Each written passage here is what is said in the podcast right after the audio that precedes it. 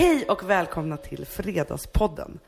Eh, jag känner mig lite ensam nu när jag sa det här. Så hör, det är ingen som är så här, och Amanda är här också. Men här hör någon.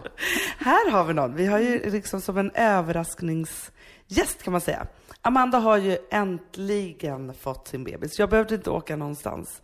Den kom ändå. Ja. Så himla härligt. Och vad hon har längtat och vad vi har väntat. Och, Ja, ja, det känns var som hela tiden. världen har, har stått still och bara hållit andan. Världens längsta graviditet är nu äntligen över. Som en elefantgraviditet. Ja, verkligen. Och Amanda kommer komma tillbaka, säger hon i alla fall nästa vecka. Ja. Hoppas då att hon har, då kanske vi hör något litet gnyende samtidigt.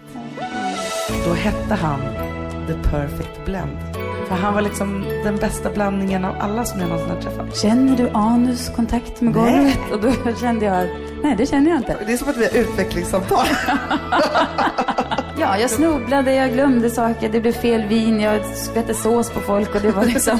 Man ångrar ju aldrig ett ligg. Exakt. Vi är ju kollegor, jag heter Cecilia Blankens och du är min chef. Ja, tänk. Ja, och jag jobbar på Perfect Day som är ditt och Amandas företag. Ja. Hur bra passar inte det här nu att Amanda är borta, vi behövde göra en podd utan henne och då kan vi äntligen liksom få in dig här på ett naturligt sätt. Ja, men precis. Men jag jobbar ju med lite andra saker också vid sidan av och så. Ja, men kan vi inte säga vad du gör? Du har ju en blogg på Mamma Mhm. och sen så är ju du författare. Mm. Ja. Det är jag faktiskt. Du har precis kommit ut med en bok. Precis, nu när du säger alltså, det där har jag inte riktigt, eh, det känns ju nästan som att man inte får säga det faktiskt. Men man får det. Får man det? Jag Alltså, för det är faktiskt inte länge. min bok så. Alltså jag har, jag har skrivit en bok tillsammans med Andreas Lundstedt som heter Mitt positiva liv. Och den, men, Men det, är- ändå, det är ju superstort. Ja, det är faktiskt det. Men jag är man publicer- ja. alltså, jag vet ju att vissa så här, eh, om det är, alltså de här flotta, riktigt flotta författarna, de är så här, ja, man får kalla sig författare när man skrivit tre böcker typ.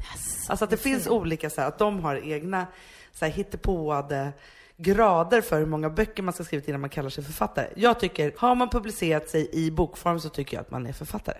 Ja, men aha, vad skulle man annars vara efter en bok då? Är man liksom en... Nej men då är man praktikant. ord- praktikant. Praktikantförfattare. Författarpraktikant. Ja, men nej, men då är jag väl det då. Fast jag vet inte. Men jag är det. Men jag har också någon sjukdom som gör att jag alltid måste ta ner allting jag gör. Så Ja men jag vet, det, det, är därför jag tänkte nu så här, nu skryter jag lite åt dig. Ja, det är bra. Ja. För jag... För sen är ju du också en superduktig journalist. Asch. Jo. Och framför allt, du är ju föregångaren, skulle jag vilja säga, till alla modebloggare som överhuvudtaget ens finns i Sverige. Ja, du är det- modebloggarnas urmoder. Jag är gammelmodebloggen. Nej, fast inte så. Nej, men jag minns ju det. När, jag blev bekant med dig så var ju du Cecilia B Jonsson. Ja. Ja, och var på Expressen och höll på med, liksom, eh, med mode och det var så här, det var liksom, och sen så, så fort det fanns en, en knapp att trycka på som hette blogg så gjorde du det. Ja, men så var det nog lite faktiskt. Jag hade faktiskt också, innan jag började blogga på Expressen, hade jag också bloggat eh, anonymt med en Nej. kompis i ett och ett halvt år. Skrivit, eh, ja. Vad och- skrev du där på den här anonyma bloggen? Ah, men den heter Raskatt, den här bloggen. Mm, och den Kan man var- hitta den fortfarande på internet? Ja, det kan man. Faktiskt. Jag läste den häromdagen bara för, för att kolla exakt hur töntig jag var. Så om man googlar Blogg. raskatt, Ja, och blogg, så hittar man den. och vad skrev du då? Nej, men vi skrev mycket om så mediekillar. Jaha, det var ändå liksom så självupplevda historier och så? Ja, jo, det var lite så. Men det, och det, var också, men det här var verkligen i bloggen, så det fanns inga bilder, det var ingenting. Men det var mycket så här, man skrev lite typ om vad man trodde att man skulle skriva om i en blogg och sådär. Och vissa grejer var ju bara otroligt töntiga. Men eh, Sigge Eklund, Ja. Han var en, eh, en eh, stor läsare av den här bloggen faktiskt. Och Stor karaktär i bloggen, tro- vill jag att du ska säga. Vad sa du? Jag ville att du skulle säga att han var en stor karaktär i bloggen. Jag satt och hoppades och tänkte så här. Jo, men det var han säkert. För att jag och den här kompisen som jag skrev bloggen med, hon, både hon och jag tyckte nog att Sigge Eklund var eh, väldigt eh, enormt cool. Alltså det är han ju också. Men jag Ja, menar, då, då var vi liksom Men att du hade 25. hittat honom redan då? För vad pratar vi för år här? Ja, men jag hade, det var ju min kompis som hade koll på sånt. Jag, jag försökte bara hänga på. Hon hade koll. Men för jag hade också en, e- en egen blogg, jag. Jag, jag, är ju en late adapter av bloggandet, det Aha. måste man ju säga. Jag, började, alltså jag har ju bloggat lite på så här familjeliv, nej, familjeliv, family living heter den. Eh, och så lite så här om inredning och sånt där, men inte på riktigt. Så började jag egentligen blogga på riktigt, på riktigt, nu första februari när vi startade igång Care of Hanna och Amanda-projektet. Ja. Men innan så hade jag också en hemlig blogg som hette Sex and the Mammaliv. Nej, Jo, och det var så här? Belinda Olsson, hon, vi träffades typ på Spymlan en sen afton. Belinda Olsson som är alltså då programledare för Debatt i SVT. Just det. Och så stod vi där och jag var ju då nyskild och vi hamnade väl liksom i att prata om så här mitt härliga smaskiga dubbelliv som jag levde då. Att det var så här ena veckan då bara supermamma och bara hämta och lämna på dagis och jobba liksom för allt vad kjoltyget höll. och sen veckan efter, ja då var du ute och svaja på krogen för allt vad kjoltyget höll. Eh, så. Ja, så stod och pratade och hon bara, men du lever ju den ultimata drömmen. Du måste ju liksom få ner här, kan inte du starta en blogg? Och så gick jag hem och så bara, men aha, blogg och jag kan ju inte säga att jag är jag och hur ska jag göra det här och så. Så då så eh, startade den här bloggen. Så när jag hade bloggat ungefär tre dagar, då skickade jag ett mail till henne. Hon bloggade då, hade en ganska stor blogg. Nu är jag igång. Jag är anonym, men du får jättegärna liksom sprida det. Så bloggade jag i åtta månader, tror jag ungefär att det var. Var den liksom, fanns den någonstans? Alltså finns den kvar? Eller Nej, den... för jag tog faktiskt bort hela. För det var så här att jag bloggade otroligt smaskigt. Alltså jag bjöd på allt. Alltså det var allt från vilka killar jag träffade, våndorna att liksom så här, träffa någon igen, hur ledsen jag var när jag lämnade bort min, mitt barn till sin pappa. Eh, det var verkligen en, en ganska så här... Fick man veta om du hade legat och sånt där? Ja, det fick man faktiskt. Fick man. Eh, och också så här, jag skrev ju så här, nu ska jag gå på dejt. Och sen blev det ju liksom, ja men när jag kom tillbaka då från den här dejten, då hade jag ju liksom hur mycket kommentarer som helst. Bara, hur gick det? Hur var det? Och så det roliga med den här bloggen var ju att det var som att skriva en roman, för det fanns ju en dramaturgisk, dramaturgisk framåtrörelse i den. Mm. Eftersom det var liksom jakten på sto nästa stora kärlek. Ja. Så. Och när jag träffade Bankis, Mm. då slutade jag blogga. För då kände jag så här, det kändes inte riktigt rätt. Att så här, hänga ut honom och framför allt så ville jag inte heller då att han skulle så här, få facit på mitt eh, singelliv. liksom så här, rätt i, alltså för det vill man ju inte riktigt. Så att- han hann inte läsa den liksom? Nej. Och han, men han är otroligt provocerad av den här, den här bloggen. Och det roliga var att precis då när jag hade träffat honom, för alla killar hade ju då olika nicknames, då hette han The Perfect Blend. För han var liksom den bästa blandningen av alla som jag någonsin hade träffat. Tyckte jag redan då. Men så slutade jag. Men jag har i alla fall skrivit ut den och tänker så här, en dag kanske den får bli en, en så här bloggroman. Om någon nappar. Kul. Alla förläggare, varsågod och ring, säger jag.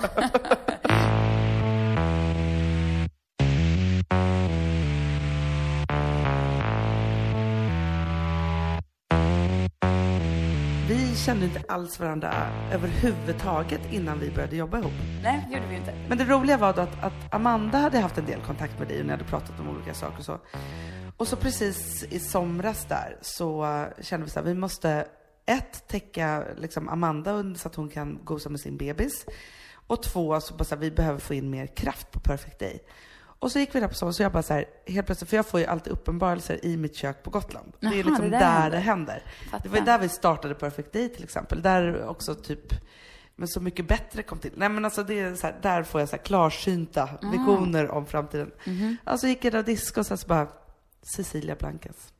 Jag var en av de här klarsynta visionerna på Gotland. Ja! Alltså. Oh. Och då ringde vi direkt och flög ju ner dig till ön, den det magiska riktigt. ön. Ja. Ja. Och jag träffade, på det här flygplanet så träffade jag en eh, yogakille. Som satt, satt bredvid mig. Och han, han hade en liten yogamatta på ryggen och han hade en gitarr i handen och han, skulle, och han var så imponerad över att jag blev nedflugen till Gotland. Men det, jag roliga var, så sen satt vi ju på bolagets uteservering i Visby där. Mm. Och helt plötsligt så bara ser vi någon som bara hej hej med yogamattan. Var han liksom. tillbaka. Han fick liksom se mötet. Ja, vi är Facebook-kompisar nu. Nej! Jo, jo, det blev så. Men du, sen vi började jobba tillsammans Mm. eh, så är det det att vi har liksom stundtals pratat om din träning. Ja. Ja, jag kan inte ens uttala det du gör. Jag säger, jag bara, ja den där tabatan du håller på med. Hiavatan. Eh, så. Jag får en bild av att du bestämde dig efter du fick Rio att så här, nu ska jag komma i mitt livs form. Mm. Och så bara körde. Ja, Ja, och nu vill jag höra allt om det här. Åh, Första varför? tanken, hur, liksom, vad var du då någonstans? Om vi börjar där när du så här, kom till det. För någonstans, jag tror ju på att så här, när man verkligen ska komma i ett sånt där, ett riktigt bra, en hälsoström, Ja. så så här, man kan ju hoppa på det där hur många gånger som helst, men har man inte rätt flow i det, då blir det bara så väldigt kortvarigt. Men du har ju Precis. hållit på länge nu. Ja, alltså för jag var typen som gjorde precis det där, började och slutade och sen tränade kanske någon gång däremellan lite när jag fick, när jag kände, jag hade ätit lite mycket chips eller något sånt där. Men jag liksom hade ingen ordning på det liksom. Jag kunde liksom inte. Jag visste inte hur jag skulle göra för att det skulle bli bra. Eh, Men sen så då när jag hade fått mitt andra barn så kände jag så här att jag kom liksom inte, jag kände inte riktigt igen mig själv i kroppen. Jag hade ont och kläderna satt inte som de skulle. Byxorna passade inte längre och det var liksom... Men för jag har en bild av det att det är så här, ja nu är med barn och så ut med den och så är det precis likadant som innan och så med barn och så, alltså man har ju, du, du har ju liksom eh, de här. Amanda-förutsättningarna, men som folk blir, blir lätt provocerade av. Jo, precis. Nej, men det är det nog. Alltså, jag har inte, jag har verkligen inte, liksom, jo, men delvis är det absolut så. Att jag har ju haft, jag, alltså, jag har gått upp typ 20 kilo minst, mer kanske när jag var gravid. Men de har liksom trillat av första gången, andra gången inte lika snabbt. Men framförallt så hade jag liksom, jag kände mig svag i kroppen. Jag var så hade ont och, du vet, jag hade ont i nacken och ryggen och jag var gnällig och var så här, det var besvärligt att vara i min egen kropp på något sätt. Det kändes inte Men det blev motivationen till så här, nu jävlar. Precis, då kände jag så här, nu jävlar. Och så började jag träna eh, på gym och eh, då fick jag väl lite bättre kondis kanske. Men det hände, jag var fortfarande så här, alltså jag blev bättre i kroppen men jag Men kände vad var så gymmet då? Du var så här, du sprang lite på något band och... Ja, men lite så. Gick runt och lite så här, lyfte på måfå lite saker. Du vet, åh, en hantel så lyfte den lite upp och ner några gånger. Och, åh, en liten maskin och så gjorde jag den lite grann. Men tror inte du att det är och så. jättemånga som gör just det där? Exakt. Att man säger, bara jag kommer till ett gym så kommer allt bli bra. Och så Precis. lyfter man lite och så bara, ah, vad fan det händer ingenting och så, så Precis, går man och vidare. då blir man inte motiverad och så slutar man. Mm. Men då, då min eh, kompis Andreas Lundstedt, som, också, som har skrivit boken med, som är min kompis nu för tiden. Som är en väldigt vältränad människa. Ja, det är han. Men han är också Han går upp och ner lite så. Ja, han går upp och ner och väldigt, alltså han får han typ en liten, jag vet inte, en liten rand på magen så får han ju panik. Åh, är så tjock. Men jag så minns faktiskt när han var med i vårt program. Ja, Då han är här, hysterisk. Oj, vad mycket kolhydrater ni serverar. Typ man bara, ja, fast nu serverar vi en härlig middag. Alltså jag känner ingen tjej som är så petig som han med mat hit och dit. Ja. Men i alla fall, och då, han tränade hos en PT som heter Kai och eh, Andreas då. Och då så tjatade han på mig att jag också skulle testa Kai. Och så tänkte jag att jag testade det bara för att liksom lära mig lite hur Ja. man gör liksom. För jag kan inte gå på det gymmet och liksom jag vill att det ska hända någonting. Och, så, och då gjorde jag det. Och så fick han, ja, han gjorde så här du vet, så här, träna så här, pang, pang, pang, pang. Och så gick jag hos honom kanske någon gång i veckan i en månad eller två. Och eh, det, då jäklar alltså. Fick Då jag, du hände det grejer. Då hände det grejer som sjutton. Men hur var det för, första, för det där tänker jag ju så här. Jag har ju också gått till personliga tränare och så här. Och jag tycker att, eh, och haft liksom bra och dåliga resultat av det. Men det där första mötet är ju alltid lite nervöst. Det är så här, man vet inte om man ska vara så här, visa sig så duktig man kan, eller om man bara ska vara så här, så slobbig man kan, eller om man bara ska vara så här, ta mig, gör något. Ja, men jag, ja, jag tror att man ska vara lite som man, sanningen liksom. Att man är så här, jo men jag kanske är lite lat, men jag vill hit och bla bla. Och sen så får de liksom, men det gäller att hitta en bra PT tror jag, som liksom fattar, och som man också kan vara ärlig med, så man inte behöver hålla på liksom. Ja men för mardröms-PTn, alltså för mig, det är ju så här, man går dit och sen så blir det just så här att man får, ja men lite så som, som eh, nu har jag ju kort på Sats och jag älskar ju Sats, men, men just det här att det är så här, då får man ett kort och så går de igenom lite och så håller man på. Då vill jag att det ska vara så Ja, stenhårt, exakt, att man bara är så här, Man vill inte bli killad på ryggen liksom. nej, alltså vill jag här, vill ha "Kör, Biggest kan du." Loser-tränarna, att det är liksom skrik. Och det var det man fick hos Kai. Och sen hade jag liksom, har jag gjort så mot mig själv när jag fortsatt träna då. För då fick jag hans här kunskap och sen så går jag dit kanske någon gång i månaden nu så där, och får lite ny påfyllning så där, med tricks. Och vad, exakt vad är det, hur är det, den här tabatan? Ja men Tabata, det, för, det, för mitt, alltså grejen är att man hinner inte träna jättemycket när man har små barn och sådär. Nej. Och då tänker jag att jag vill träna liksom så effektivt som möjligt. Jag vill få så mycket gjort på så kort tid som möjligt. Och när man tränar Tabata, eller Tabata, Krabata, Tabata, tabata heter det. Tabita. Det tabita. Då tränar man liksom, eh, man kan ju egentligen göra lite vad som helst, men man tränar liksom högintensivt 20 sekunder, vilar 10 sekunder, 20 sekunder, 10 sekunder. Så gör man det åtta gånger, alltså åtta intervaller i 20 sekunder. Men då är det inte så att man liksom lyfter en liten hantel, utan man gör grejer där hela kroppen är igång samtidigt. Och så gör man så fem sådana gånger, då är man helt jävla slut sen helt enkelt. Och så vet ju du så här, efter åtta gånger, då är du klar. Då har du Det är gjort det klart. där. Precis. Så att det inte är så här, ja, jag sprang ju lite, jag lyfte lite så med armarna, är Ja, jag klar eller 20 inte? gånger åtta sekunder är ju ingenting liksom.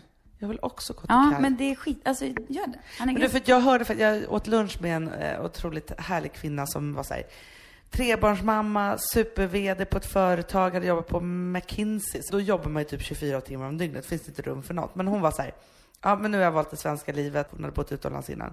Och nu så går jag då på Tabata, för hon pratade om det här. Hon Bara, då behöver jag bara träna en gång i veckan. Ja, precis. Det låter ju som magi. Ja, jag vet inte faktiskt. Men jag tror att man kanske måste bygga upp lite. Men för jag man tänker kan så om man på tränar det här, alltså med styrka alltihopa en gång i veckan och så, Ja. så fyller man på dem med lite härliga powerwalks och lite sådana saker. Så att man, liksom för konditionen känns ju ändå som man måste underhålla Ja, kanske. men exakt. Det tror jag. Fast man, det fina med Tabata är att man får ju kondition, styrketräning, smidighet i samma lilla härliga paket. TV-shop. TV. Det exakt. låter så. Du Men skulle kunna måste- sälja det här. Men jag tror att det är bra att bygga upp sig innan, för det var det jag gjorde med Kaj. Man bygger upp sig innan så att man har liksom, så att man inte skadar sig och så att man Ja. liksom ändå har någon slags Som grund. idrottsman har du behandlat det här. Ja, men lite så. Och sen också vad gäller mat och sånt där. För jag är verkligen ingen dietperson. Jag hatar dieter och håller på och sånt där. Jag Mm. fixar inte det helt enkelt. Jag, det är för tråkigt. Jag är inte intresserad av det. Men jag tycker om att äta ganska nyttig mat och det ser jag inte för att jag... Men jag gillar, jag gillar kikärtor. Ja, ja. Nej, men det är Det- ju jag också. Det är sant. Det, är- det är okej. och sånt där. Så att eh, i början då, innan jag, jag liksom rivstartade med Kaj där några veckor i början. Mm. Och då var han så här, men skippa kolhydraterna lite, liksom. Men det var inga superhårda regler, utan det var mer liksom, det här kan du tänka på. Så gjorde jag det och nu för tiden så äter jag, jag ska inte säga att jag äter liksom precis, liksom går bananas i Snickershyllan, för det gör jag verkligen inte. Men det har inget behov av det heller. Utan jag kör på helgerna, veckorna, så... Kaj har gjort det till världens mest hälsosamma människa. Nej men det är inte, jag är Nej, men jag förstår, men det blir ju lite så här, om Jag man går in i en bra bra. träningsflow, då hamnar man ju också i det här att det känns helt, ja men så här, varför ska jag träna om jag ändå ska liksom äta de här konstiga grejerna? Alltså men man vill ju, precis, exakt. man blir mån om att, att jobba liksom inifrån och ut och utifrån och in på något sätt. Precis. Så det är det som jag, alltså, som jag tänker med det här flowet, att det är så viktigt att man hamnar i rätt. Jo, men och sen är det också grejen när man har, när man har kommit, det är bra tror jag, och ganska så snabbt, det är smart med så PT eller hur man nu gör, i alla fall att ganska snabbt hitta ett resultat. För det är ju den bästa, om man känner så här, shit nu kan jag springa en mil. Eller vad man nu gör, eller om man liksom märker att mina byxor sitter bra. Då, blir man ju, då vill man ju inte tappa det. Alltså jag gillar ju att träna och eh, rör på ganska mycket, men jag är också en periodare då jag gör saker och ting så här mycket. Men jag vill hitta så här, det här är det jag gör två gånger i veckan helt stenhårt och tar mig tid till. Ja. Och jag testade lite pilates, men nu, alltså grejen är också för mig så är det så här, jag behöver ha det inom räckhåll. Alltså det behöver vara på mitt gym i kvarteret. men- För annars blir det helt pannkaka. Men då är mitt, mitt förslag så här. Eh, Du hittar någon PT som är bra, Kai eller någon annan. Och så går du dit och så säger du så här, Kai, jag ger dig en månad. Om en månad vill jag vara i så bra form att vi bara behöver ses en gång varannan månad och jag däremellan ska kunna träna två halvtimmar i veckan och, då ska, och det ska räcka. Och då bygger han upp dig kanske den här månaden så att du liksom är i, i kondition så att du kan sköta det här själv. Och sen kör du bara. För jag har tränat låter ungefär två gånger i veckan. Och jag tycker att det är liksom, okej, jag har väl varit mer vältränad när jag tränade mer, men just nu så hinner jag inte mer. Och det är ändå... Nej, men bara man gör det. liksom. Men bara man gör det, ja. Precis. Alltså det är som, är som jag brukar säga, mina egna visdomsord. Varje meter räknas. det är väldigt roligt. Som jag själv brukar säga. Det är så här beyond allt som vi har med så självgodhet att göra. Att dra sina Man är- egna visdomsord. det är som Amanda brukar säga, hon bara, alltså jag är så inspirerad av mig själv.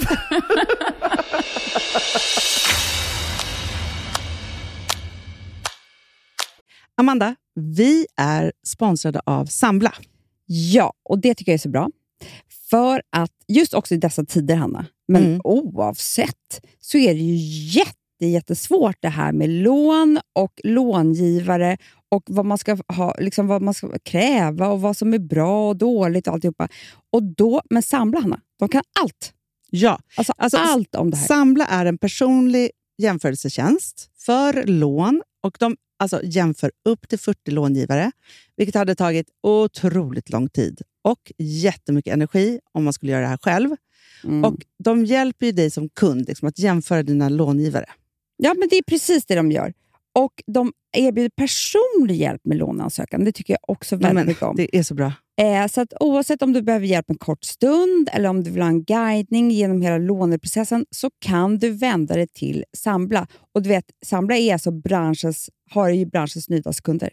Fem stjärnor och 24 000 omdömen på Trustpilot. Då har man gjort ett bra jobb kan man säga. Mm. Så är det. Hörrni, in på Sambla.se och ansök. Vi har ett betalt samarbete med Syn nikotinpåsar. Det här meddelandet riktar sig till dig som är över 25 år och redan använder nikotinprodukter. Syn innehåller nikotin som är ett mycket beroendeframkallande ämne och Syn kommer i olika smaker, styrkor och format. Nu lanserar Syn en helt ny smak inom mint. Syn Slim Cool Frost som har en tydlig smak av kylande pepparmint och mentol. En långsmal helvit prilla. Och enligt 90 procent av 366 vuxna konsumenter så har den en långvarig smak. Läs mer på niko.com och klicka in på Syn. Och glöm inte att slänga din tomma dosa i plaståtervinningen. Woof, woof.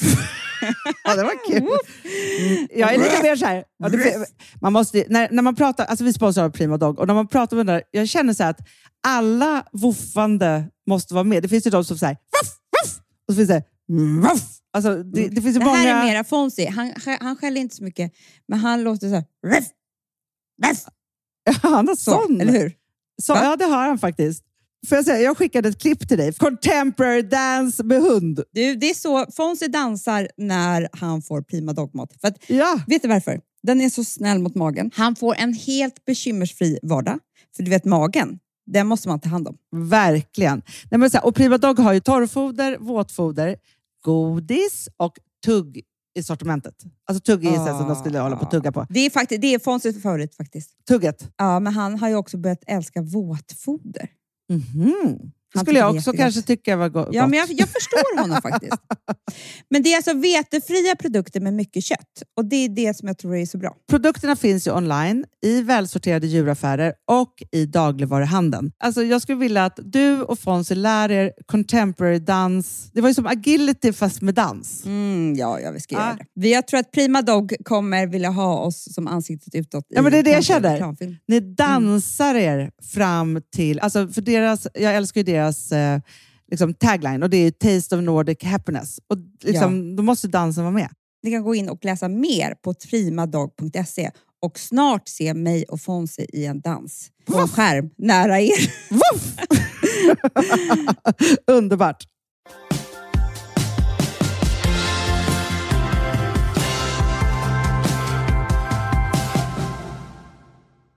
Har man bara två dagar i veckan, Ja, ja. då ska man vara urnöjd med det. Exakt, Ja. precis. Det är lite som när jag går på min bikram-yoga som jag brukar gå på ibland. Då älskar jag när hon säger så här, ni, alltså för de pratar väldigt mycket och det är väldigt så här, terapeutiskt där också när man håller på att göra de här stenhårda övningarna. Men då är hon så här, jag vill att du ska tacka dig själv för att du är här idag och eh, bara att du är här är otroligt snällt och bra mot dig själv. Och gör du bara lite, lite, lite till i varje övning så är du beyond fantastisk. Att bara man har tagit sig dit är nog och man ska vara väldigt nöjd med det. Är så- men jag kan tycka lite så här, jag, jag håller med på ett sätt, för så är det ju. Ja. Men också lite så här, jag gillar i alla fall att vara så här, kör på mig själv. Jo, men det ska man ju vara. Men allting är bättre än att bara sitta hemma i liksom. soffan. Jo men verkligen så är det ju. Det är det. Men på tal om yoga så måste jag säga, för jag har testat det någon gång och kommer inte göra det igen. Därför att senast, då, då fick jag höra att mitt anus skulle ha kontakt med golvet. då kände jag, känner du anus kontakt med Nej. golvet? Och då kände jag att, nej det känner jag inte. Jag vill inte ha någon jävla golvkontakt med anus. Jag vill, Ja, men jag vill svettas. Men, alltså, men det är olika, med, för jag pallar inte heller de här mest eh, hippieaktiga yogorna. Nej, alltså, för det här var det jag yoga är på. väldigt så här, hårt och man har öppna ögon hela tiden, man svettas något helt sjukt. Men, för jag tänkte på det, min, min kompis, hon, hon går jättemycket på yoga. Eh, men så blev hon lite avskräckt för att hon eh, det var en ny så här, otrolig indisk guru som kom dit. Hon var så här, men honom måste jag ju testa liksom. Tills hon stod med typ hans yogapung i sin, sitt ansikte. Han skulle så här, stretcha hennes ben på ett otroligt sätt. Och han hade bara såna här haremsbyxor med fritt hängande spelrum i det. Och då blir det lite mycket. Ha en yogapung i fejan, det är liksom inte Det riktigt ska man det. absolut inte ha. Nej, men alltså, det blir lite för fritt för mig. Jag är inte Ja. typen, det får ju gärna vara lite Ja, men du, härligt, borde, men det får... du borde testa Bikram då. Ja, det är det då, också så här- alla tränare där på mitt Bikram, de är väldigt så amerikanska, så det känns som att man är i LA eller något och är så här, Ja, Ja. ja. ja men då Ja. fattar jag. Mm. Bara jag slipper anus och pungkontakt. Jag Jag testar Kai, du testar Bikram. Ja.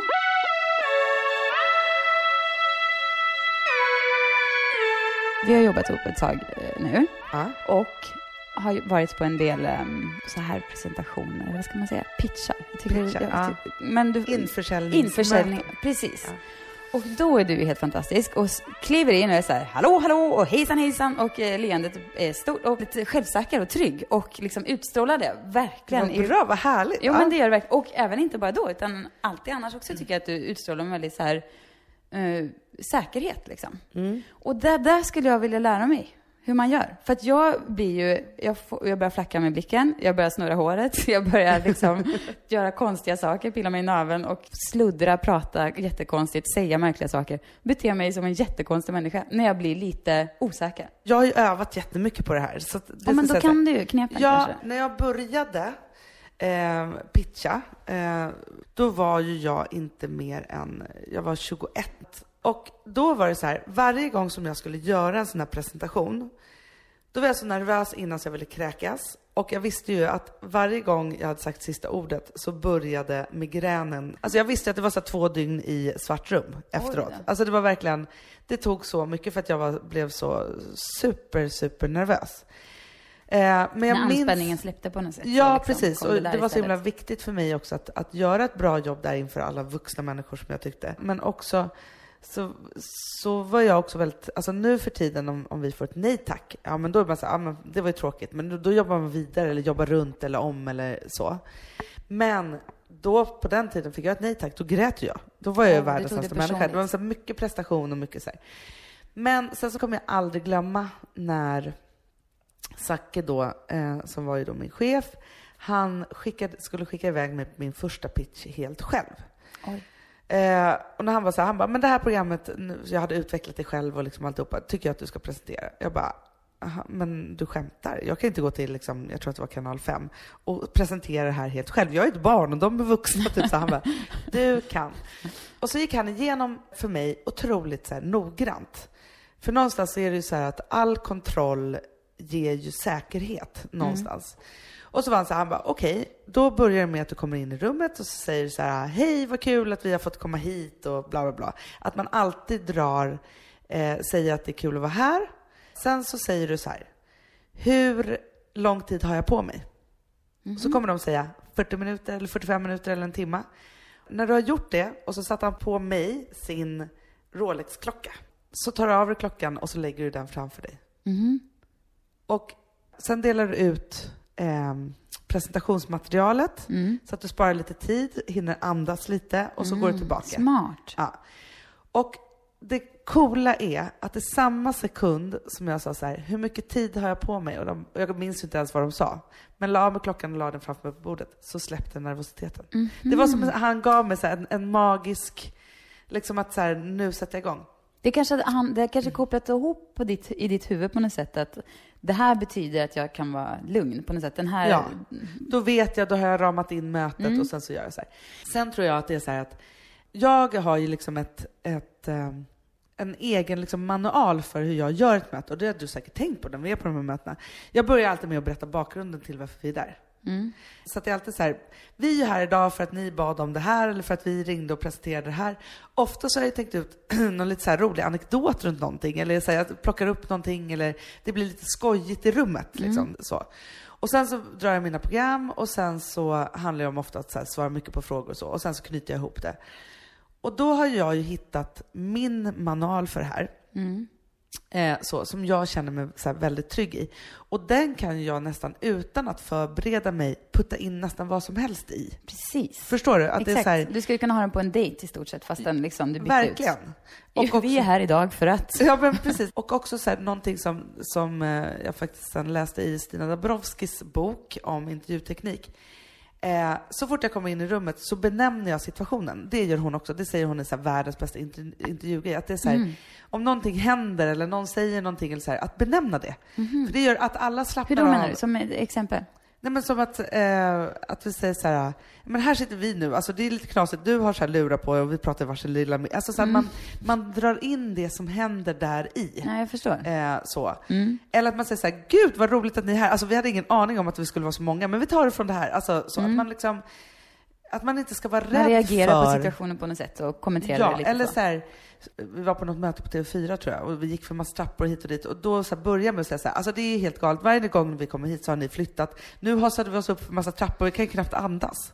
Att göra sig lite rolig och lite dum och lite så här, alltså så här, få dem att slappna av. Eh, och samma sak på en dejt är världens bästa. Om man är, alltså, jag blir så supernervös när jag ska dejta. Nu har jag inte gjort det på ganska länge eftersom jag lever med en man.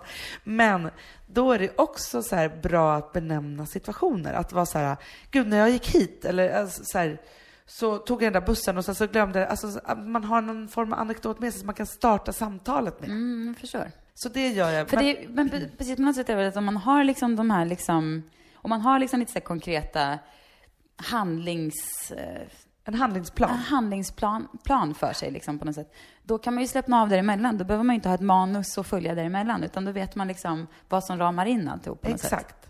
Och det är lite som när man ska hålla tal eller vad man än ska göra som är, eller så fort man ska ha ett litet framförande, så är det så här att sätta ramarna för det och sen några stolpar där i så klarar man sig. Och ofta säger jag så här, jag vet att om jag har för mycket manus och papper och så, jag blir inte så bra för jag blir inte så känslosam. Då är jag i det där. Jag kommer aldrig glömma när jag jag tillsammans med massa andra skulle hålla ett föredrag på Handelshögskolan om hur det var kvinna och vara i IT-branschen typ där i tusen år sedan, precis innan IT-bubblan verkligen sprack. Eh, så hade de någon sån här ledarskapskurs och jag skulle ha ett föredrag där. Jag gjorde det största misstaget jag gjort i hela livet. Jag tog en betablockerare innan. Oj. Där stod jag och läste från ett papper. Istället för att vara charmig och säga så här, alltså det finns ingen bättre med att säga så här, hej gud vad kul att, att eh, ha fått komma hit.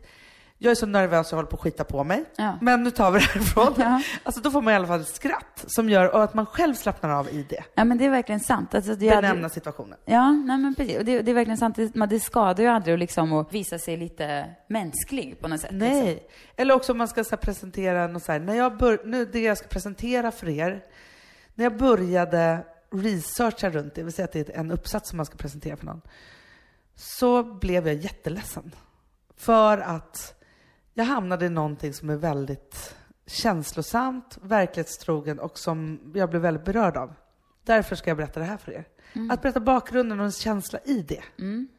Och det är inte för att heller för att det är så här, något proffs tänker det, utan det är mycket roligare att lyssna på någon som, som är på riktigt, tänker jag. Ja, men precis. Alltså, jag jobbade som servitris ett tag. Jag var fruktansvärt dålig alltså. Jag Som var, servitris? Ja, jag var, jag var alltså den sämsta servitrisen som någonsin har serverat på en restaurang i Stockholm, skulle jag gissa. Men var du dålig på att liksom bära ut mat? Ja, jag snubblade, jag glömde saker, det blev fel vin, jag skvätte sås på folk och det var liksom, det var tappade glas och det var, det var katastrof alltså. Men jag, jag, kör, jag drev ju ganska mycket med, med mig själv när, jag gjorde, när det blev så fel hela tiden. Du var så den roliga servitrisen. Ja, jag var liksom, verkligen, jag var liksom, men jag, och jag var den som fick eh, mest dricks. Jag antar- Såklart. För att, eh, just som du säger, eller också var det för att de ville vara snälla mot mig kanske. De Nej, men jag liksom, tror på det där. Alltså, för någonstans är det så här, är man bara i det där, då förlåter ju folk vad som helst. Ja. Och också så tror jag, det som jag alltid i en sån här, ett sånt här sammanhang vill skapa, det är så här, en rolig och härlig känsla i rummet. Så. För att det som, alltså så här, ofta då när vi presenterar saker, då har de hört 120 nya programförslag av alla produktionsbolag. Men om man skapar en härlig känsla i rummet så kommer de i alla fall minnas det. Sen när de går tillbaka liksom och går igenom allt på riktigt, då måste ju programmet såklart också hålla. Men själva pitchen eller presentationen måste innehålla det. Liksom. Precis, och då har de, hur det än blir, i alla fall kvar en bra känsla av eh, dig och företaget liksom. Ja. Sen kan jag också säga så här att från den där 21-års eh, huvudvärken som jag hade när jag liksom presenterade saker då, så måste jag faktiskt säga att någonting som har hjälpt mig jättemycket, det är ju mitt programlederi. Alltså när jag går in och gör en presentation så, det är som min kompis Sara brukar säga, att, att så här, hon, känner, hon jobbar på TV3 nu, var på Kanal 5 förut, så jag har ju pitchat för henne jättemånga gånger.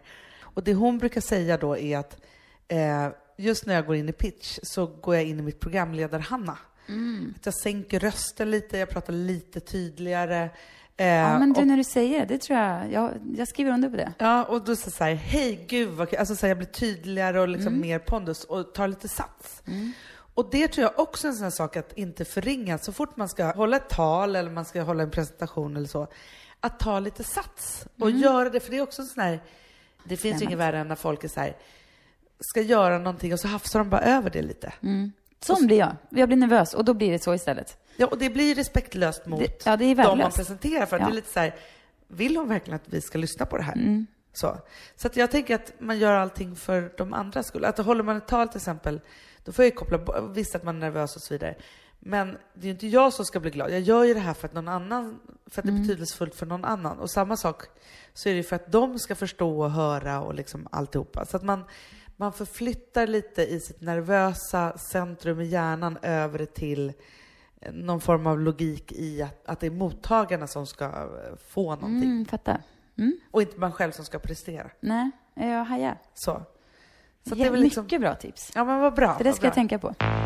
Inför nästa pitch så ska du få ta ett helt eget, alltså så att du tar ett program som du ska pitcha. Mm. Så ska vi gå igenom Ah, hur du ska använda verktygen i det. mm, smart. Så. Ah, Och så härligt. finns jag där som en liten fallskärm om det skulle vara så att du börjar liksom gråta. spårar ur. Jag börjar flacka med blicken. och Så. Nej, men inte det roligt? Jo, jättegärna. Det Ja. låter bra. Bra träning. Bra! Gud, då har vi spikat det också. Mycket Jajamän, alltså vi bestämmer saker. Det är som att vi har utvecklingssamtal.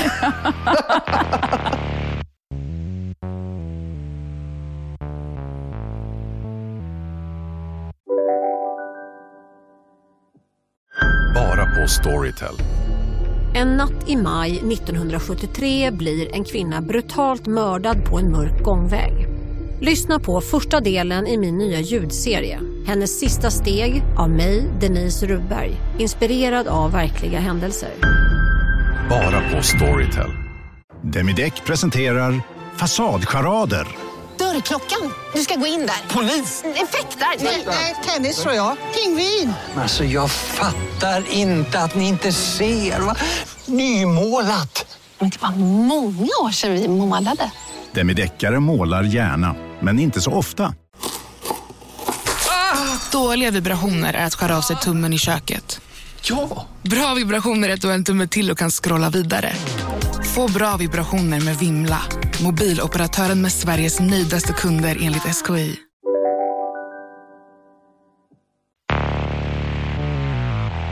när, man, när man sitter så här med skrivborden mitt emot varandra så får man ju liksom, man får små, som små delar av någons vardag. Att det är så här, eh, man får höra lite ditt och datt och i det där så blir det som liksom så här, små pusselbitar som gör att man känner en person liksom så över tid.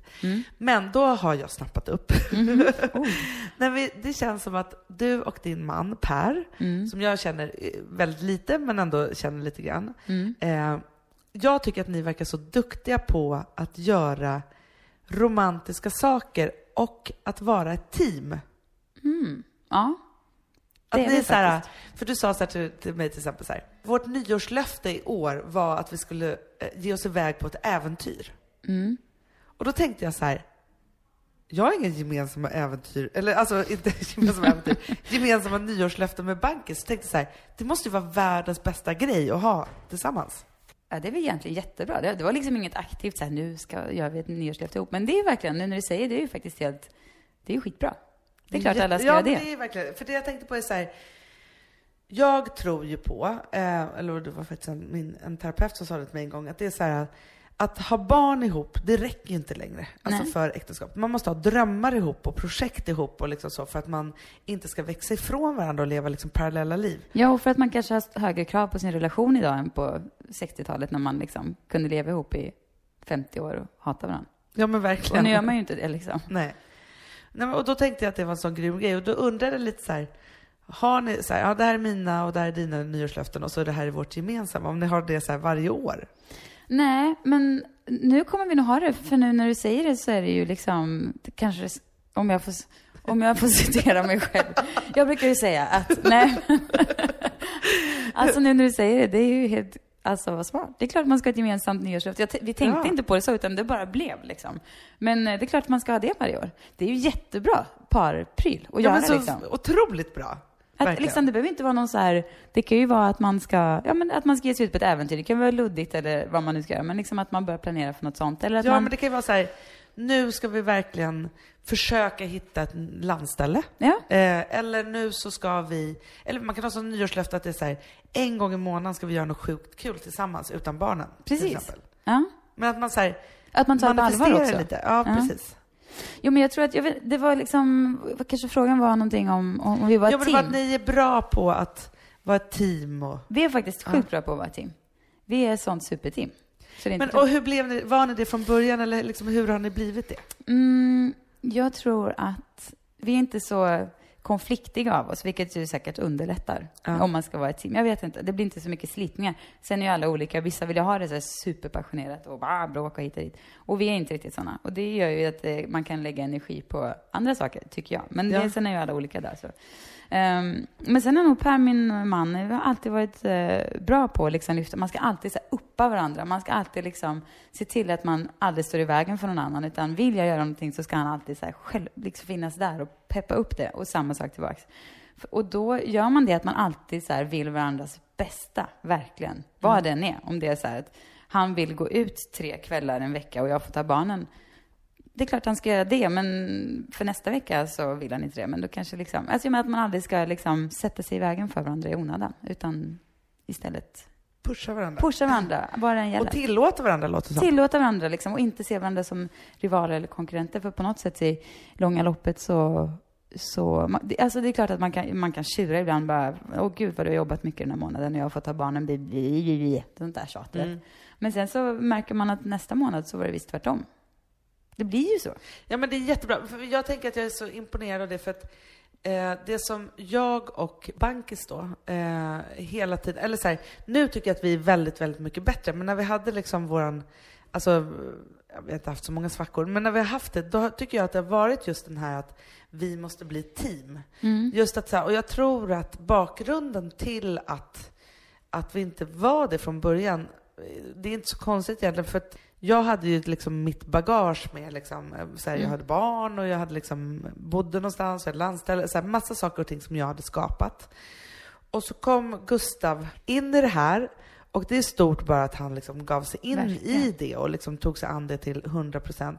Men jag var ju liksom på något sätt ett team med Rosa och så fick han liksom vara med i det.